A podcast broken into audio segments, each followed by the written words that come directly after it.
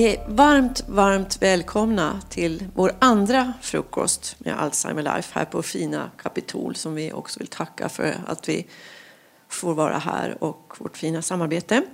Eh, vi ska alldeles strax dra igång. Eh, jag ser att det finns lite tomma stolar här och det är ju biljetter som är köpta. Så det kanske blir så att det kommer några som släntrar in här lite senare. Eller så kommer de här platserna att bli lediga trots att de har köpt en biljett. Och då vill jag säga till er, vi är väldigt, väldigt många här idag. Det är väldigt kul, vi är väldigt glada över det. Eh, men ni som just nu inte har en sittplats kan då ta de här lediga stolarna. Det kommer vi väl att se efter en liten stund här. Vi är många här idag. Vi är jätteglada över det stora intresset. Det är fullbokat som sagt var, även om det är några tomma stolar här just nu. Eh, fullbokat och med därtill. Och med det sagt så eh, tycker jag faktiskt att vi drar igång vårt väldigt fina och intressanta program. Så att jag lämnar över ordet till Henrik Fränkel. The stage is yours. Tack! Eh, vad spännande. Spännande på väldigt många olika sätt. Som ni kanske förstår. Eh, det här är vår andra frukost. Eh, den första handlade om att vara anhörig. Den ligger ute som podd också. Den har blivit otroligt mycket lyssnad på. Och jag vet inte om Gunilla sa att även den här kommer ut som en podd inom några veckor. Eh, det här är också spännande därför att en av våra gäster sitter fast på ett tåg. Så att det blir en kamp med tiden. Här. Och, se. och det är eh, den gästen som vi skulle ha sist här, Tobias Karlsson, dansaren. Men han tror att han kommer Eh, i tid. Eh, inte i tid, men eh, kanske får ni möta honom när ni går ut. Vi får väl se. Temat för det här samtalet det är träna din hjärna och håll dig frisk. Och med det vill vi säga att eh, när vi inte har några bromsmediciner så är ju faktiskt den främsta bromsen mot Eh, kognitiva sjukdomar livsstilen. Och då tycker vi att det är så himla konstigt att man pratar så lite om den. Eh, så vi kommer prata om forskningen just kring livsstilen. Träning, hjärngympa, kost, social samvaro. Eh, och sen apropå Tobias Karlsson då, varför är dans och musik så bra för hjärnan? Eh, men först av allt och det, det har liksom blivit lite av vårt signum. Och det är att vi ska aldrig göra någonting utan att ha en patient som inleder. Det är liksom det vi ska ha på näthinnan. Och det är därför vi finns till. Och det är därför jag tycker att sjukvården borde finnas till också. Det är patienten. Eh, Datakonsulten Susanne Osander fick diagnosen Alzheimer vid bara 59 års ålder. Hon berättade i min podd att hon föll ner i ett svart hål av förtvivlan. Men efter några veckor så kravlade hon sig upp från mörkret och skrev ett recept för sina återstående år i livet. Välkommen Susanne Osander. Tack. En applåd. Om du står där. Mm. Vad kul att se dig. Och, Tack, kul att ses igen. Och du ser så solbränd och fräsch ut. Och glad också. Ja, jag lever så mycket jag kan i nuet och är närvarande. Och då... Ja. Jag sprang på dig när jag en dag lyssnade på Vetenskapsradion Hälsa och man pratade om Alzheimer och det var så dystert. Och sen hör, helt plötsligt så hör jag en person som säger så här. Att min livskvalitet har till och med blivit bättre med min diagnos. Och jag tänkte alltså, vad säger hon? Vad sa, sa du det? Ja, jag, jag minns inte riktigt, men det sa jag kanske och jag står för det fortfarande. Eh, jo, jag kan nog tycka att eh, min livskvalitet fortfarande är bättre än när jag jobbade och stressade. Jag har lärt mig att vara närvarande i nuet. Mm. Och det, det mår man bra av. Mm. Men det är tufft att komma dit.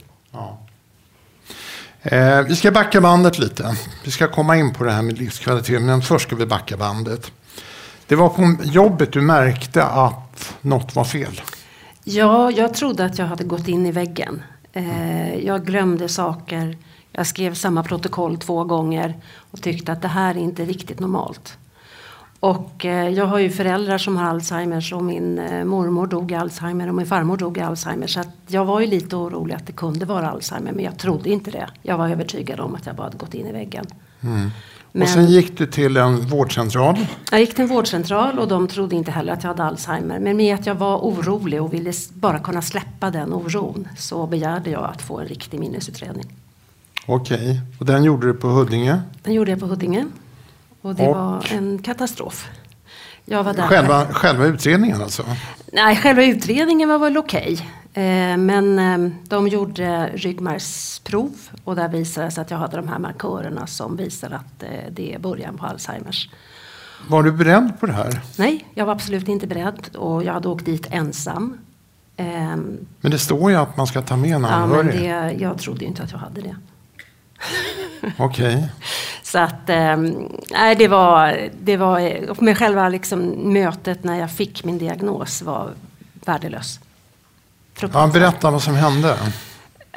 Ja, de talade om för mig. Det var alltså jag, mötet i rummet med mötet läkaren? Mötet i rummet med läkaren. Jag satt där själv och de talade om att ja, tyvärr så har du Alzheimer. Ehm, och eh, jag frågade hur många år jag kvar att leva. Och jag tror att hon sa, jag minns inte riktigt, mitt minne är lite dåligt från den dagen ska jag känna. Att jag hade sju år kvar att leva. Och så får man inte säga till en människa. Det säger man inte ens till cancerpatienter eller någonting. Man säger aldrig att någon har ett antal år kvar att leva. Så att eh, jag följde ner ett mörkt hål. Jag grät. Och fick ingen som helst, ja jag fick träffa en kurator som, skulle visa, ja. en kurator som skulle visa mig hur man eh, gör en sjukanmälan. och jag som har jobbat med IT hela min värld, jag har inga problem att göra en sjukanmälan. Även om jag var väldigt sällan sjuk. Men vad tänkte du där i rummet? Vad, vad såg du för bilder? Jag såg ju...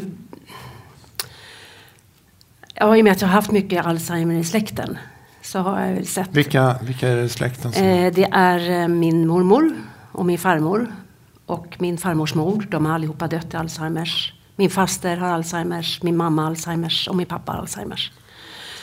Så att, eh, och det är speciellt mormor är min skräckbild. Eller förlåt, min farmor.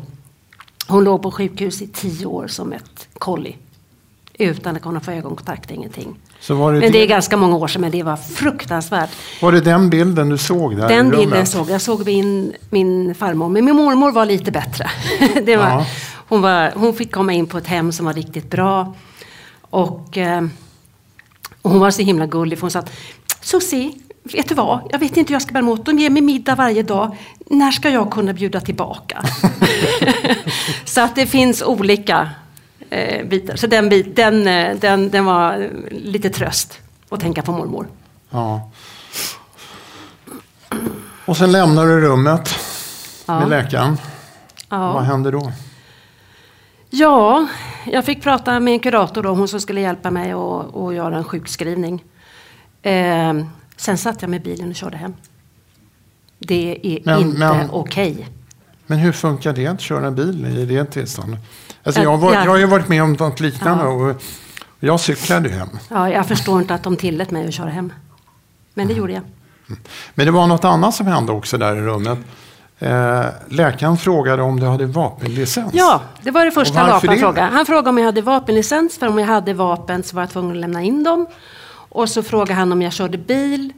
Och sa att inom ett halvår så skulle jag göra en körkortstest. Det var liksom det jag fick veta. Men det där med vapnet är jag lite nyfiken på. Trodde han att, han, att du skulle ta livet av dig?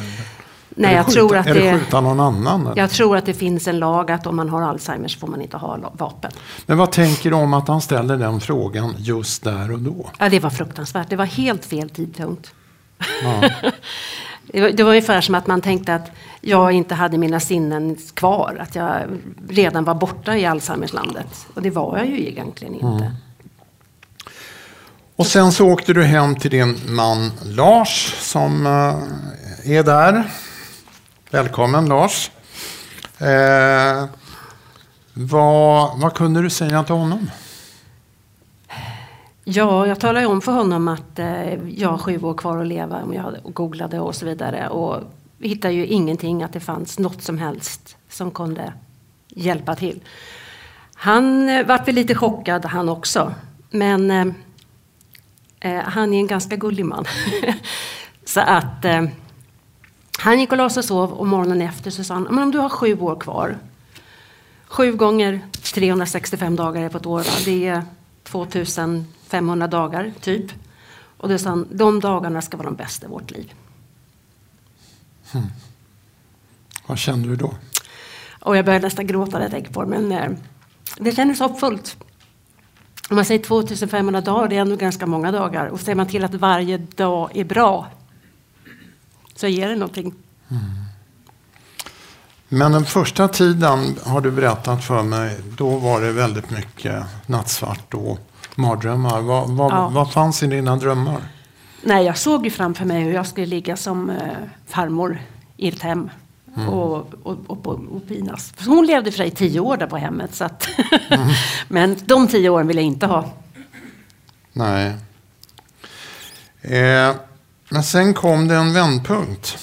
Ja, Eh, och du fick ett tips. Om att göra en, en diagnos. Eller en, Ja. eh, en, eh, skriva ett recept över... Man får gråta i den här ja lokalen. jag är sån. Alla gör det. Jag är en känslomänniska, bara det märker ni. Jag är både Därför att glad och alla ledsen. har en historia i den här lokalen. Det finns ingen som, som är opåverkad av den här sjukdomen. Nej, så är det. Nej, jag fick ett tips. Jag var på en kurs och där var det någon som sa att skriv, eh, jag fick en bok och där stod det att man kunde skriva ett recept till sig själv. Om sin livsstil, väldigt mycket.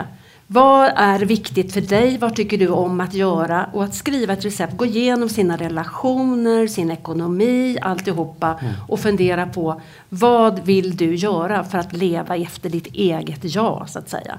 Så jag satte mig ner och jag fick faktiskt en tid hos den här kuratorn. Jag gjorde om henne från att skriva en sjukskrivning till att faktiskt gå igenom den här boken och vara en coach till mig. Så jag skrev hela ett recept till mig själv om hur jag ska leva för att må bra. Och vad stod i det receptet? I det receptet stod lite tv kommer till sig, Mio Kivibelto. Att gå igenom sociala biten, hur, relationer med människor, vilka vill jag umgås med, vad mår jag bra av? Hur lever jag i nuet? Eh, det var titta lite över ekonomi och sådana saker för att se att man känner sig trygg för framtiden. Så att genom att gå igenom det här receptet och mitt liv så kände jag att då fick jag en bra plattform att stå på. Var det många skitstövlar i ditt liv som åkte ut? Eh, ja, några stycken.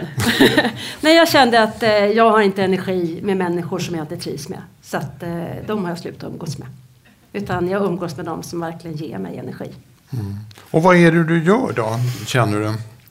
Ja, vad jag gör för att må bra. För det första så tror jag att alltså det här med att leva i nuet, det låter som en flosk. Men det är det inte.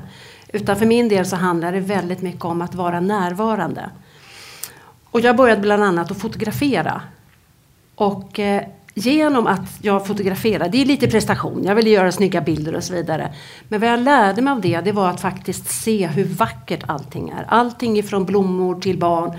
Så att även om jag inte har med mig kameran nu så upplever jag allting runt omkring mig. Jag är närvarande i nuet. När jag ser vågor kan jag stå och titta på dem hur länge som helst och tycka att åh vad det här är vackert. Så att eh, jag eh, lever i närvaro. Jag tänker inte så mycket på morgondagen. Visst, jag vet att jag har en dödlig sjukdom, men vad fasiken, jag kan bli överkörd av en buss imorgon. Så att varför oroa sig för det? Så att jag lever här och nu och gör precis det jag tycker om. Jag är riktigt egoistisk. Men jag trivs med det. Mm. Susanne, eh, vi, vi, stoppar där. Vi kommer släppa in dig. Det här kommer bli lite Skavlan. Så vi, eh, jag är lite miniskavlan. Så att vi kommer ta gäst efter gäst och sen får vi se vad som händer, händer här.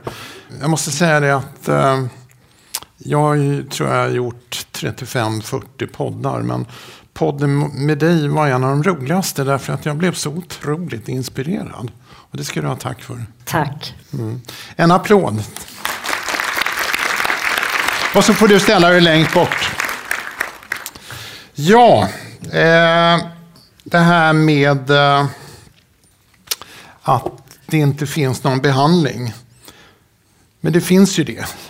Man kan ju faktiskt göra någonting med sin livsstil. Eh, och det här med träning, kost och sömn har alltså eh, seglat upp som något eh, som, som vi borde tänka på lite mer. Mia Kivipelto, professor i klinisk geriatrik vid Karolinska eh, institutet. Hon vinner sedan många år tillbaka världsrykte med sin forskning kring den så kallade fingermetoden. Ni har säkerligen läst och hört om den. Och nyligen gav hon ut boken Hjärnhälsa på dina fem fingrar. Välkommen Mia Kivifeld. Hej! Bra! Bra att ni applåderar. Det ska vi göra på det här stället. Vi har ju träffats några gånger. Du har ju varit med i min podd också. Eh, först bara, miniversionen. Eh, vad visar fingerstudien? Fingerstudien var den första studien i hela världen som visade att det går att förebygga minnesproblem och kognitiv svikt när vi paketerar ihop olika livsstilsfaktorer. Det här har ni säkert hört redan, men det är så bra namn det här med finger, därför att det är lätt att komma ihåg. Fysisk aktivitet, hälsosam mat, sociala aktiviteter väldigt viktigt som vi hörde, hjärngymnastik och ta hand om blodtryck, kolesterol, diabetes och vikt. Allt som är bra för hjärtat, är bra för hjärnan. Och det som vi visade var att det här fingerpaketet gjorde vad inte någon medicin idag har kunnat göra. Minnesproblem var mindre, man minskade risken för kognitiv svikt och minnet, inte bara minnet, men även planeringsförmåga och snabbhet blev bättre. Mm. Och även andra saker, dagliga aktiviteter, hur klarar man att leva vardagliga livet blev bättre.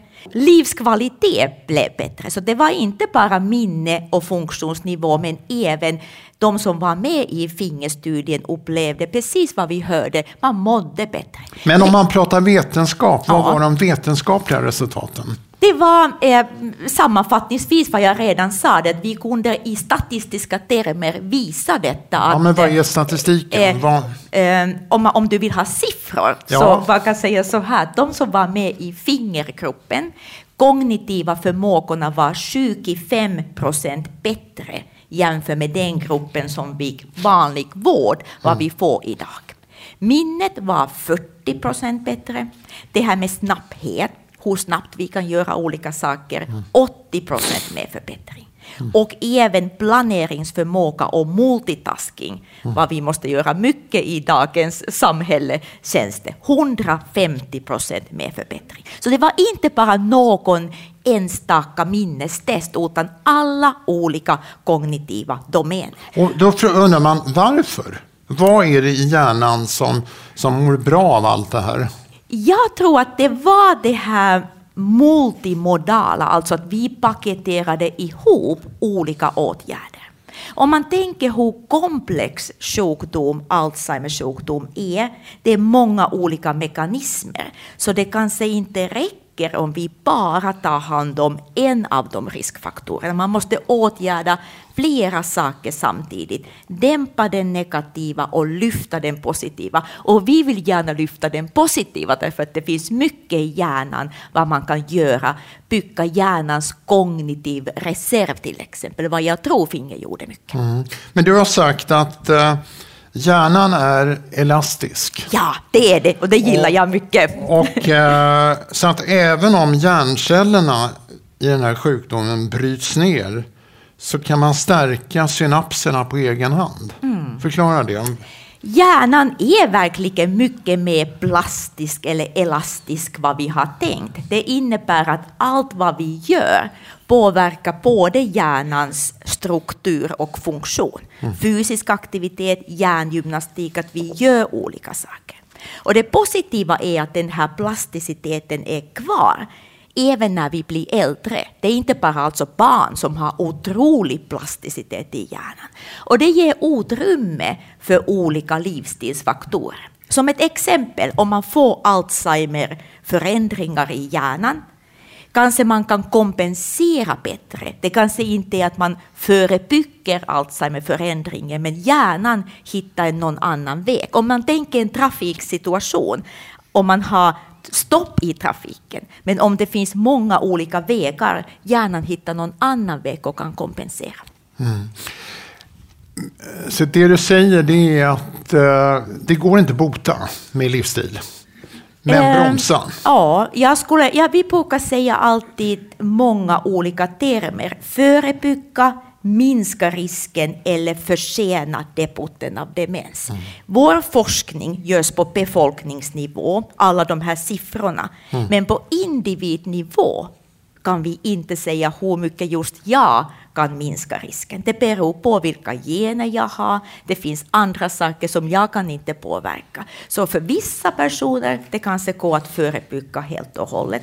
Andra är att flytta fram eller minska risken. Mm. Men innebär det här att det ska sättas in så fort som möjligt? Vi vet ju att eh, Alzheimer utvecklas 20 år innan symptomen kommer. Ja, visst är det fascinerande att den processen i hjärnan börjar så tidigt, 20 ja. kanske. Men det innebär att i princip alla bör applicera det här eller göra det här för att eh, förebygga. Jag brukar säga att det är aldrig för tidigt att börja förebygga. Mm. Och jag börjar tänka mer och mer även dagens ungdomar och barn. Mycket av våra vanor formas ju då när vi är barn. Och många, jag tänker dagens ungdomar som sitter väldigt mycket, vi är heads down generation. Vi sitter väldigt mycket, 9 till 10 timmar framför mm. iPads och iPhone. Så, så fort som möjligt, eller så tidigt som möjligt. Samtidigt skulle jag säga att det är aldrig för sent. Man kan alltid göra någonting för sin hjärnhälsa och bättre funktionsnivå och bättre livskvalitet. Och Lotta kommer berätta mer om det vad vi mm. gör idag i MindAD-studien där vi testade fingermodellen för patienter som kom till oss på mm. minnesmottagningen. Mm. Eh, det var ju fem fingrar. Eh, vi kanske inte orkar ändra oss på fem sätt. Vilken ska vi satsa på? Jag skulle ändå säga att försök aktivera alla fem fingrar så mycket som möjligt med små steg och kanske hitta aktivitet som stimulerar många fingrar. Dans var någonting som vi kanske pratar mer mm, om idag. Mm. Och tänk att dansa, det är fysiskt, det är lite kognitivt, det är eh, socialt och det är avkopplande. Mm. Jag tror lite vad man är i livet, man ska tänka sina riskprofiler. Vad är det största utmaningen för mig idag om man tänker de här fem fingrarna? Jag tror för många i dagens samhälle de här psykosociala faktorerna är viktigt. Vi hörde om detta, leva i nuet avkoppling, meningsfulla aktiviteter. Jag har sett det mycket på vår minnesmottagning. Vi har unga patienter med stress och burnout, så jag tror ändå att hitta något som också kan koppla av och gärna behöver också ja, men Om vi tar bara snabbt finger för finger, träning betyder en sak för mig och en annan sak för dig. Vad, vad, vad är liksom träning eh, när det gäller fingermetoden? Vad, hur mycket hur mycket måste man göra? Ja, det är en bra fråga och det är förstås individuellt. Vi alla börjar från olika nivåer, så man kan inte säga att samma modell passar för alla, men vi har ju vissa rekommendationer, 150 minuter per vecka och både konditionsträning, gå eller jogga så att man får upp lite puls. 150 minuter? Lotta kan säkert, jag tror hon kommer säga ännu mer. Jag tror att hon vill Okej. 300 minuter i veckan. Men, men, men, men man ska börja med små Det steg. Man, två, tre, två, tre gånger i veckan gå, gå ut. Även muskelstyrka, det här med att eh, bygga upp muskelmassan är viktigt. Därför att vi tappar ju tyvärr lite muskelmassa när vi blir äldre. Och träna även balansförmåga så att när man går ut att man inte eh, ramlar så lätt. Så alla de tre bitarna hade vi i finger. Så- Konditionsträning, balansträning och styrketräning. Och sen kosten, som jag tycker är det jobbigaste.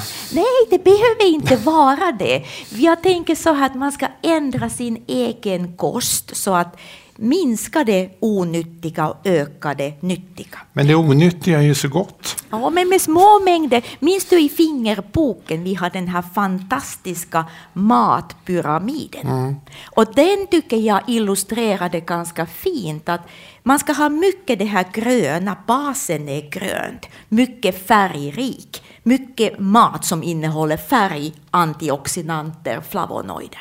Sen kommer lite från havet, är kyckling, mejeriprodukter, fullkornsprodukter, olivolja. Och där högt upp i triangeln, där blir det lite trångt. Då ska man inte ha alldeles för mycket det här med rött sött och, och eh, salt, alkohol och socker. Men man kan äta det med, med måttliga Men det där har vi ju hört sedan vi var barn och ändå har vi inte förändrat oss. Ja, det, det är precis. Men om man tänker den här traditionella medelhavskosten eller nordiska kosten, det är gott. Det behöver inte alls vara motsägelsefullt, att man, man, men det är med hur mycket man äter och vilka saker. Sen har vi sömn. Sömn är viktigt. Som, som jag egentligen aldrig har tänkt på. Mm. Jag, när jag var i karriären så jobbade jag, fyra, eller sov jag fyra timmar per natt. Och alla mina kollegor tyckte det var jättebra. Mm. Då var jag liksom duktig. Eh, men vad är det som händer? Med, varför är sömnen så viktig? Sömn är väldigt viktigt för hjärnan. Det har eh, ny forskning visat att det händer mycket i hjärnan när vi sover. Eh, Det, re- hjärnan rensas från olika skadliga ämnen. Jag ser Lars Lar- Larnfeldt där som har jobbat mycket med beta-amyloid som är den här centrala i Alzheimers sjukdom. Det finns studier som har visat att amyloid rensas bättre under den här djupa sömnen. Så att sömn är viktigt för hjärnan. Även de här Och vad betyder inflammatoriska. sömn? Är det, är det åtta timmar per natt? Eller? Det är också individuellt och det beror på hur djupt man sover. Man kan ju vara i sängen utan att sova, men många studier har visat att minst 6-7 timmar behöver man oftast att verkligen få den här vilan. Och sömnproblem sen vi i alla fall har blivit vanligare. Det hänger ihop med stress förstås och det här med mobiltelefoner och sånt. Att det är många som upplever att få det här lugnet och sova bra är svårare. Eh, sen jag blev uppmärksammad på det här så börja, har jag börjat med melatonin. Vad tänker du om det? Ja, det kommer mer och mer studier och det är igen individuellt. Och det här tror jag är viktigt vad du säger att man ska alltid gå igenom med livsstil vad man kan göra och finns det något farmakologiskt som hjälper till då kan man testa det och förstås prata med sin läkare. Så kommer vi till hjärngympa. Är det korsord vi pratar om? Det tycker jag är så fruktansvärt tråkigt. Hur många här löser korsord? Nu får vi se. Ganska, ja, inte ens hälften. Ja. Måste man bör- börja med korsord? Nej, man behöver inte börja med korsord om man inte... Om man gillar att göra det annars, då är det absolut bra hjärngymnastik. Därför att man måste ju leta efter ord, använda både korttidsminne, långtidsminne. Kanske gärna om man vill göra det lite mer stimulerande, göra det med någon annan. Så att man kan få med den här sociala biten. Men det finns mycket annat också. Man kan lära ett nytt språk. Ni kan testa Oj. finska, det är väldigt bra. eller, eller något annat, alltså hålla hjärnan igång. Läsa en bok, eller ha en bokcirkel så att man igen diskuterar någonting tillsammans med någon annan. Men är inte det lite väl tufft att säga till en patient som precis har fått Alzheimer att jag tycker du ska lära dig spanska? Jag skulle, jag skulle tänka mer förebyggande syfte, men Aha, det är sant. okej. Om man, I MindAD-studien, när vi hade en patient som hade nyligen fått en diagnos, då är det mer kanske att veta hur hjärnan fungerar och hitta minnesstrategier så att man kan använda minnet bättre. Så det är viktigt att anpassa det här med hjärngymnastik om man är i skolan, om man jobbar. Men för de som inte jobbar längre, tiden när man eh, slutar jobba är ganska känslig för många. Speciellt om man har haft kognitivt eller mentalt stimulerande arbete. Där tror jag att det är viktigt att tänka på det här. Vad kan jag göra istället? Och då kanske det här med nytt språk eller resor eller annan aktivitet kan vara bra. Så att det är mer individu individuellt. Och jag tror också, vad gillar jag? Vi är så olika, så vad passar för dig eller mig passar kanske inte till alla. Så hitta någonting, precis som vi hörde, vad man trivs med. Mia, vi tackar dig så länge med en applåd. Tackar, tackar. Och sen eh, släpper vi in dig lite senare. Tack. Jag flyttar hit. Så, ett- du flyttar dit. Mm, du, tack. du lär, ni alla har sett Skavlan, så ni, ni vet hur man gör. Eh, ja, hur bryter man livslånga vanor? Och om nu, nu eh, livsstilen är så viktig, varför bygger inte sjukvården in den i en vårdplan till exempel? Eh, ja, och varför satsar man inte på livsstilsintervention och prevention på landets minnesmottagningar? Den frågan ställde vi också, vi på Alzheimer Life, eh, när vi eh, gav fysioterapeuten Charlotta Thun, Thunborg det, det första Alzheimer Life-stipendiet för hennes forskning och arbete att via livstidsförändringar få patienter med tidig Alzheimer att hålla sig så friska så länge som möjligt. Välkommen Charlotta. Charlotta Thunborg. Hej! Hej! Du fick ta emot eh, det här stipendiet, Alzheimer Life-stipendiet, i höstas på Drottningholms eh, slottsteater. Kommer du ihåg vem som delade ut det? Ja, det var drottningen. Ja. Hur var det då? Ja, det var spännande och nervöst. Och vackert inramat och eh, jag var lite känslosam. Ja, det var fint. Tacksam. Mm. Hur, kä- känslosamt, vadå? Vad, vad tänkte du?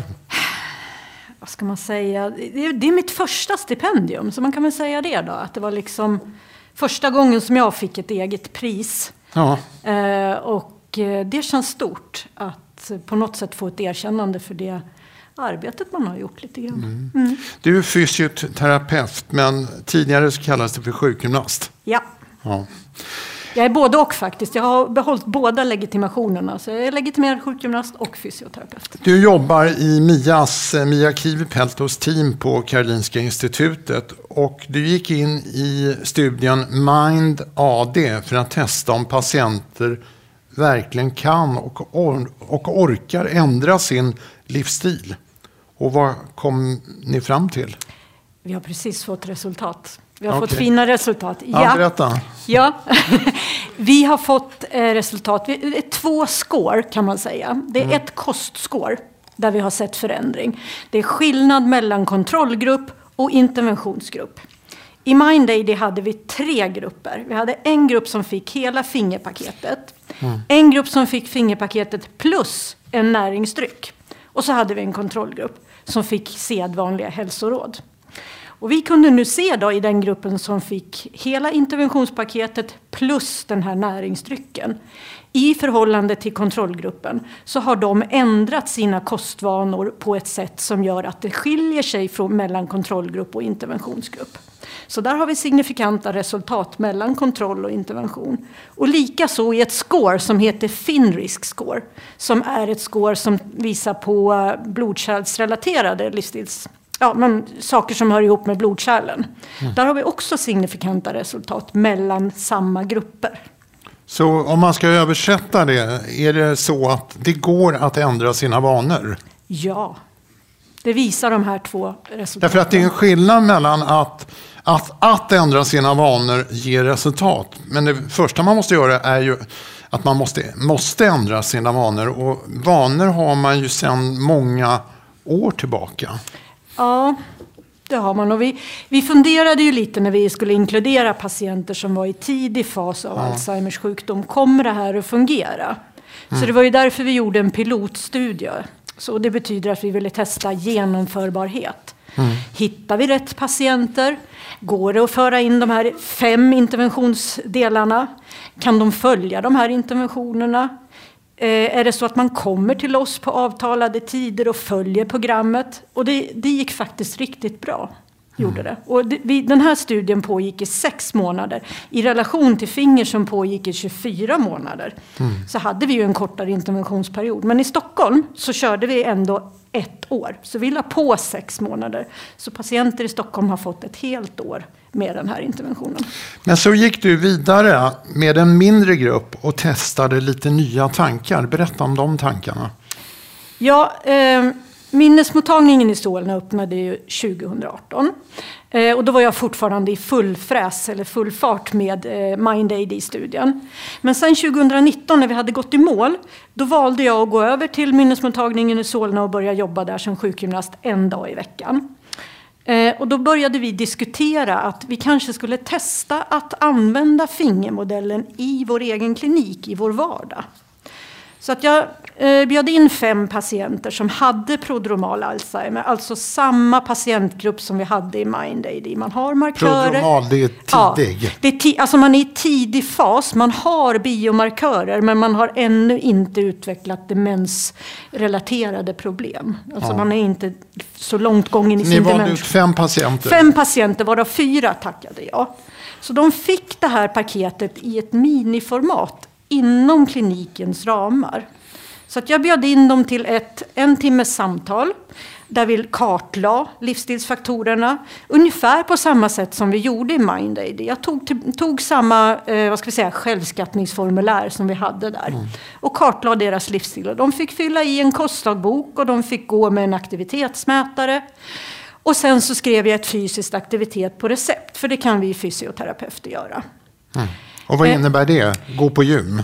Ja, det innebär att man tar med sig sitt recept. Och, eh, jag var i kontakt med, med, några gym som sa att det är ganska så svårt att ta emot ett fysiskt aktivitet på recept. För ofta så står det inte så specificerat mm. vad den här patienten behöver. Mm. Så gyminstruktören eller den personliga tränaren vet inte riktigt vad de ska ge för träning.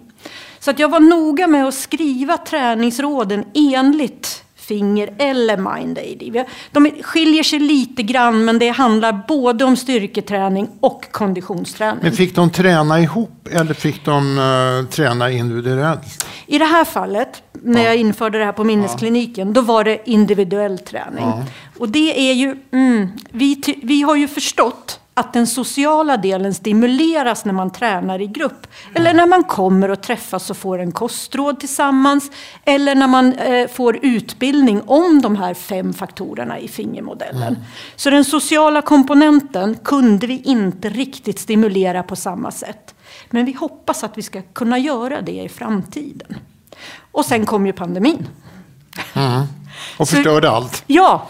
Så vi fick ju ta de här mötena som jag hade planerat in med uppföljningar. De fick vi ta på Teams. Och det... Hur gjorde ni med hjärn... Det är fler fingrar än, ja. än, än kost och träning. Ja. Hjärnjumpan. Vi, hade ju, vi har ett digitalt eh, kognitivt träningsprogram. Så jag delade ut koder till det här digitala kognitiva träningsprogrammet.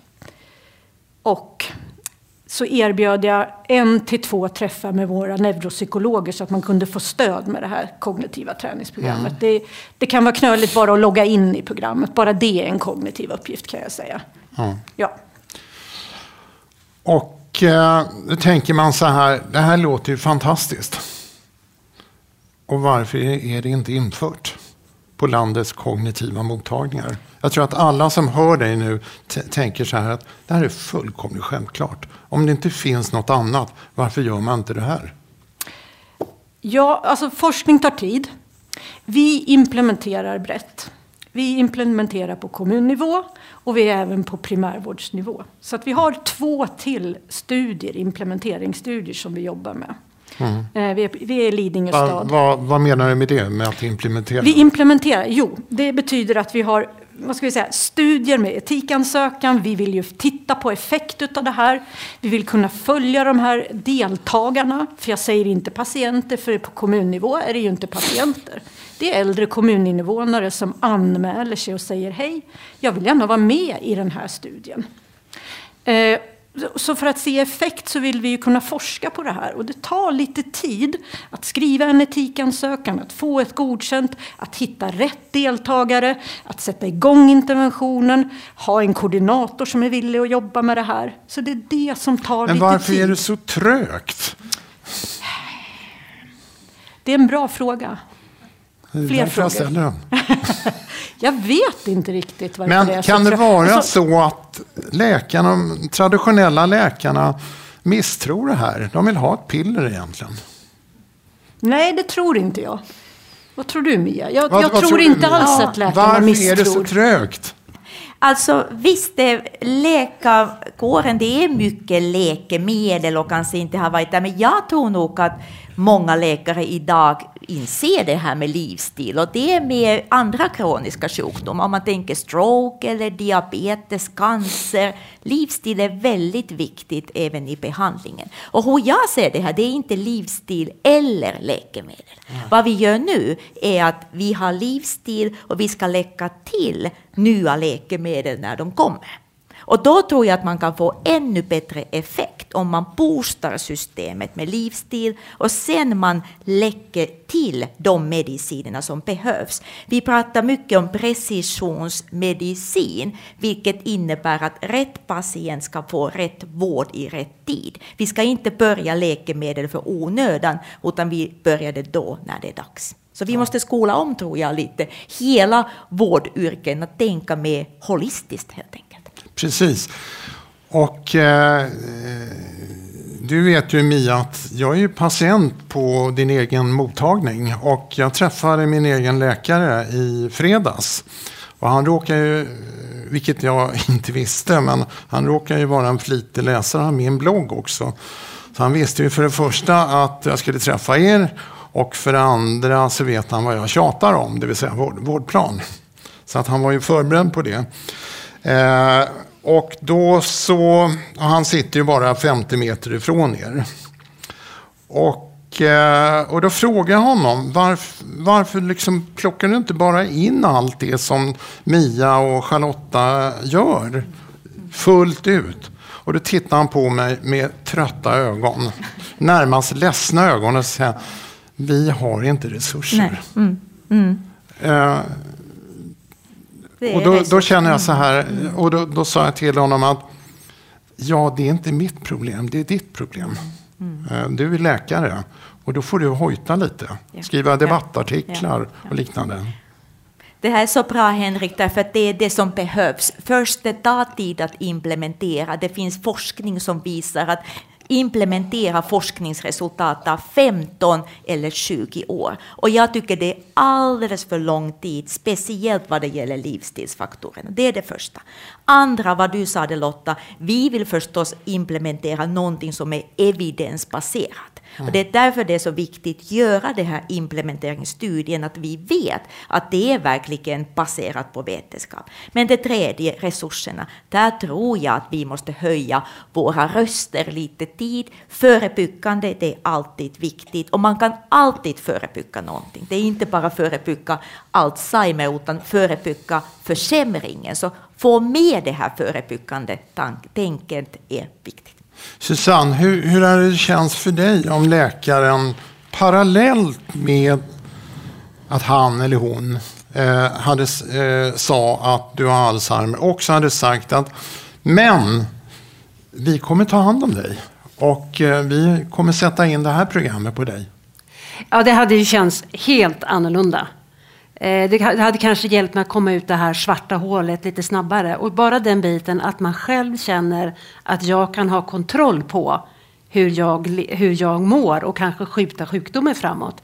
För det handlar ju om att få lite hopp också och inte bara veta att ja, men du har sju år kvar att leva. Vad kan jag göra för att leva bra? Och som tur var så följer jag också lite dina råd. och det har jag gjort, för jag har fått den boken och, och, det är jättebra, tycker jag. Verkligen. Sen är jag faktiskt också med i eh, en eh, medicinsk forskning. Mm. Eh, så jag får också riktig medicin nu. En svensk forskning. Jag tror att det sitter är, någon är det, där borta. är det uh, Biartics uh, ja, lecanemab? Nej, ja. ja just det. Precis. Ja. Den är det. Funkar den förresten?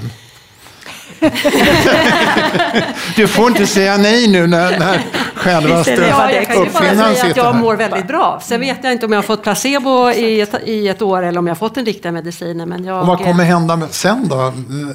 Den nu, går jag, nu får jag den riktiga medicinen och den kommer jag få i, om det är ett och ett halvt eller två år, jag är inte riktigt säker. Ja. Sen hoppas jag att eh, jag kommer få den resten av mitt liv. Mm. Okej. Okay. Mm. Så det är också ett väldigt stort hopp. Så jag säger också till er, om det är någon här som har Alzheimers, försök gärna komma med i någon typ av forskningsstudie. Det ger ett bra hopp. Jag försökte ja. komma med Mia, men du ville inte ha mig. Ja, det, men det är bra vad du säger. Vi har också vi har 15 pågående läkemedelsstudier vi ser att patienter som är med mår faktiskt bra. Man får lite extra där, så det är viktigt, både livsstil och läkemedelsstudier. Framförallt så fick man ju nästan den här vårdplanen mm. som jag skulle vilja haft. Mm. Om ja. även, den, fick, den får jag ju nu när jag är i studien, för jag blir upp uppföljd hela tiden. Man kontrollerar hur jag mår. Jag får hur göra känns det att liksom bli uppföljd? Det känns underbart. För jag vill veta. Mm. Jag vill ha koll. Och gå till eh, ett års och få ett nytt, eh, en ny sjukskrivning. De frågar inte ens hur jag mår. Nej. Eh, ja. Det sa ju våra patienter i Mind AD också. vi har intervjuat patienterna och de sa just det här att det var så skönt att få komma in i studien mm. eh, för det gav lite kaos, eller det gav ordning till kaoset. Ja, det gav lite ordning i kaoset. Ja. Mm, mm. Så alla patienter borde få vara med i ja, forskningsstudier för att bli ompysslade lite. Mer studier. Jag ska också säga att uh, ni som har läst min blogg nu under helgen vet att uh, jag numera uh, har hamnat i cancervården. Och där så kunde jag jämföra. Mm. Och eh, efter mitt första besök så eh, skrev på urologen på, på Karolinska. Jag hann knappt komma hem förrän jag fick en, eh, en skriven eh, vårdplan. Mm. Och den vårdplanen var skriven inte med journalsvenska utan i du-form. Du har varit här. Du har fått det här. Så här eh, kommer vi att behandla dig framöver. Och jag kommer ihåg att när jag läste det där så började jag nästan gråta. För jag bara kände så här att jag är omhändertagen. Jag är trygg. Och då Mia, varför är det inte så när det gäller Alzheimer? Det måste bli så. Det, jag, och jag menar, det har blivit säkert steg för steg bättre, men hela demens, Alzheimervården, vi är säkert 10-15 år bakom cancervården. Det har varit så. Och Både varför det, är det så? Ja, det är prioriteringar, det är resursfrågor, även kunskap, föra över det till kliniken. Men nu tycker jag vi har men kommit till en nivå... Men cancer kan ju klara av det. Ja, det borde vi göra också, men igen, jag tycker vi ska göra Alzheimer, demens, kognitiva sjukdomar som en prioritet på olika nivåer och där alla vi behövs att göra det. Så jag tycker det är fantastiskt att vi är här idag. Alla röster, alla händer, alla fingrar behövs. Mm. Nu släpper vi in er i publiken. Ställ frågor. Nu har ni liksom eh, världens främsta expertis här. Mickar. Ja. Mm, just det. Någon måste gå med micken till... Räck upp en hand. Har ni frågor? Det? Ja. Ja, men det, här, där har vi en. Och där har vi en. Någon måste gå upp dit också. Jan, du får gå upp med en mikrofon sen. Kan ni göra så här eftersom vi spelar in att eh, presentera er, ni som vill ställa en fråga? Ja, mitt namn är Eva Granestrand. Min make hade eh, Alzheimer. Vet du vad, det är, det är ja. nästan bättre att du ställer dig upp också. Okay. Då ställer jag mig upp. Eh, Eva Granestrand, min make hade Alzheimer och dog i höstas eh, och arbetade som läkare. Och min fråga till dig Mia, med tanke på det här med att sömn är så viktigt. Har man tittat på skiftarbetare till exempel och sömn och om de är överrepresenterade? Mycket bra fråga. Och vi har gjort vissa epidemiologiska studier att sömnproblem, inte just vilket typ av arbete, vad jag tror med, med hur, hur man uppskattar sin sömnkvalitet och hur många timmar man sover, är kopplat med ökad risk av eh, demens och även Alzheimer. Så att det här tror jag är en väldigt viktig fråga med tanke på hur vi jobbar idag eh, och även det att många kanske sover lite för lite, det är där vi offrar lite med tanke på att vi måste vara så supereffektiva över. Alltså, jag tror om man tittar den här listan av riskfaktorer, sömnproblem och stress är de som är kanske väldigt aktuella i dagens samhälle. Mm. Nästa fråga.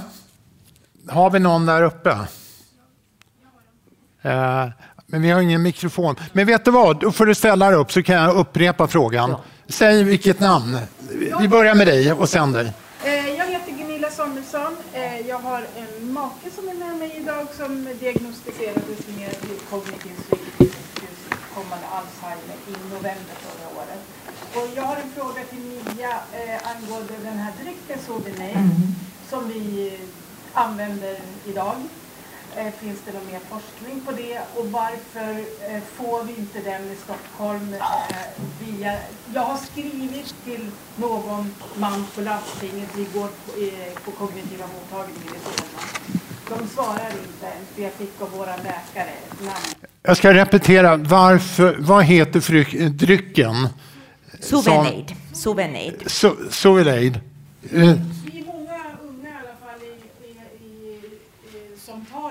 Drycken. Ja. Och eh, jag, hörs det nu eller? Ja. Mm. Vi vet att till exempel i Västmanland, i Uppsala så får man den drycken ja. som ett hjälpmedel. Men det är en hög kostnad för oss att behöva betala den själva. Mycket bra fråga. Och först, vad finns det för evidens? Det är en näringsdryck som heter Souvenade, som är omega-3-baserat och har många viktiga näringsämnen där vi har forskat att där har man ofta brist när man har tidig Alzheimer. Och också det finns studier som eh, tyder på att den här Eh, ger stöd till synaptisk funktion i hjärnan och hjälper nervcellerna att må bättre. Vi gjorde en randomiserad studie där vi kunde visa att speciellt efter tre år, det tar lång tid att visa eh, evidens, man hade bättre minne och kognition, bättre funktionsnivå och även hjärnatrofi var mindre i den gruppen som fick mm. Sovenet. Så det finns en randomiserad studie. Vi ska lägga, ni som inte hann med här, vi ska lägga ut en länk till den där drycken på, ja. på vår blogg också. Men ska vi, ska vi byta? Fått, vi, men vi det, det här med regelverk. Vi, vi behöver, behöver, ta en fråga till här. Jag säger bara att det här med regelverk, den är på G därför att det har blivit lite ojämnt i Sverige vem som får rättighet och inte. Men ja. tyvärr, det tar lång tid. Ja, nästa fråga. Ja. Eh, jag heter Kerstin Bjekeld och eh, jag är mest allmänt intresserad. Men eh, jag har sett alkohol, alkoholens inverkningar på nära håll. Och jag undrar, hur är alkoholens roll i förhållande till Alzheimer? Är det en bra sak för det håller blodkärlen kanske rena?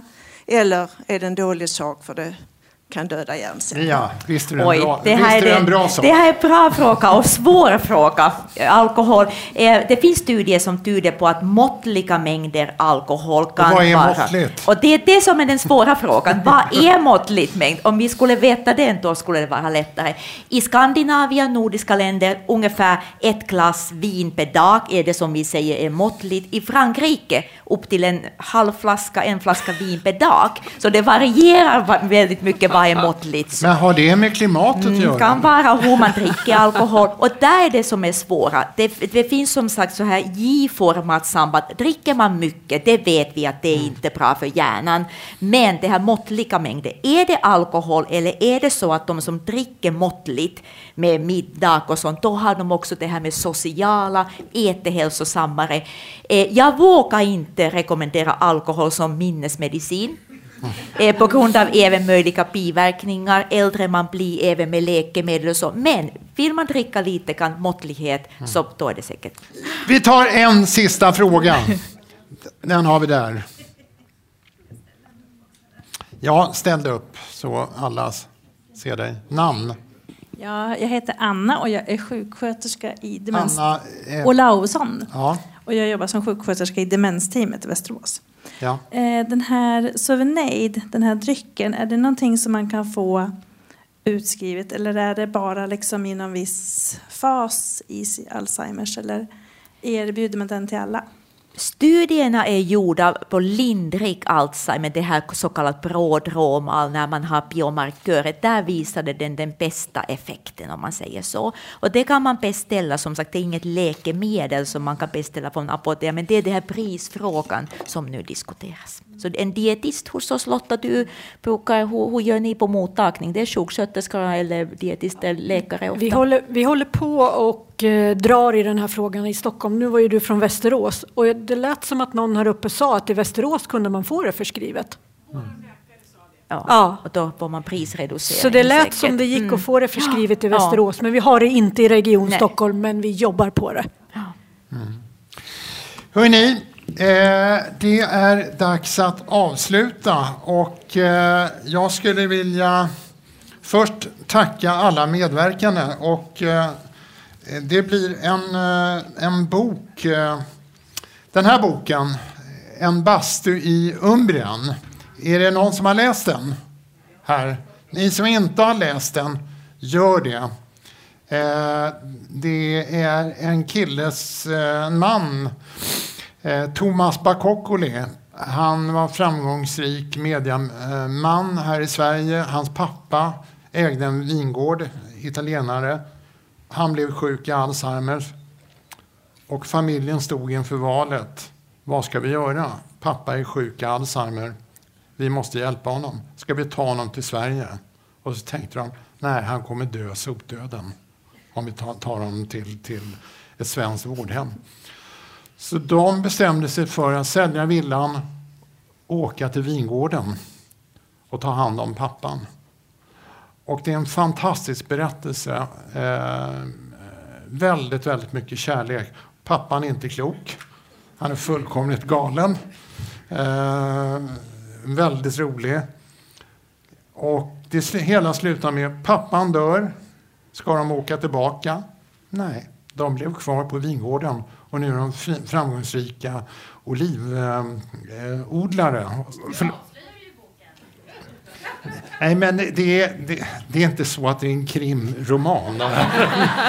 eh, ni, det enda jag avslöjar att det är vem som dör. Och det hade ni kunnat gissa ändå.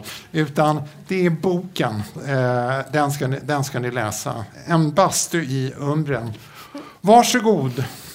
Du, du, du får det för att du kom upp spontant. Eh, varsågod Charlotta. Varsågod Mia. Och varsågod Susanne. Tack. Och en stor applåd. Och eh, tack till alla er också som kom. Är ni nöjda? Ja, vad bra. Ska vi köra en gång till? Men med andra gäster. Eh, vi, vi, ska, vi ska ta hit Tobias Karlsson. Även om jag måste släpa hit honom nästa gång. Eh, och vi får se vilket eh, tema vi ska ha, men det kommer nog bli ett eh, spännande tema. Jag tror att det blir kanske i september. Tack ska ni ha och eh, ha det så bra. Bloggen och podcasten Alzheimer Life har också en insamling till förmån för forskning om kognitiva sjukdomar. Ni kan hitta den på vår hemsida alzheimerlife.se och den görs i samarbete med Alzheimerfonden. Denna specialpodd produceras av stiftelsen Alzheimer Life med finansiellt stöd av biofarmabolaget BioArctic och den görs på Beppo. Beppo.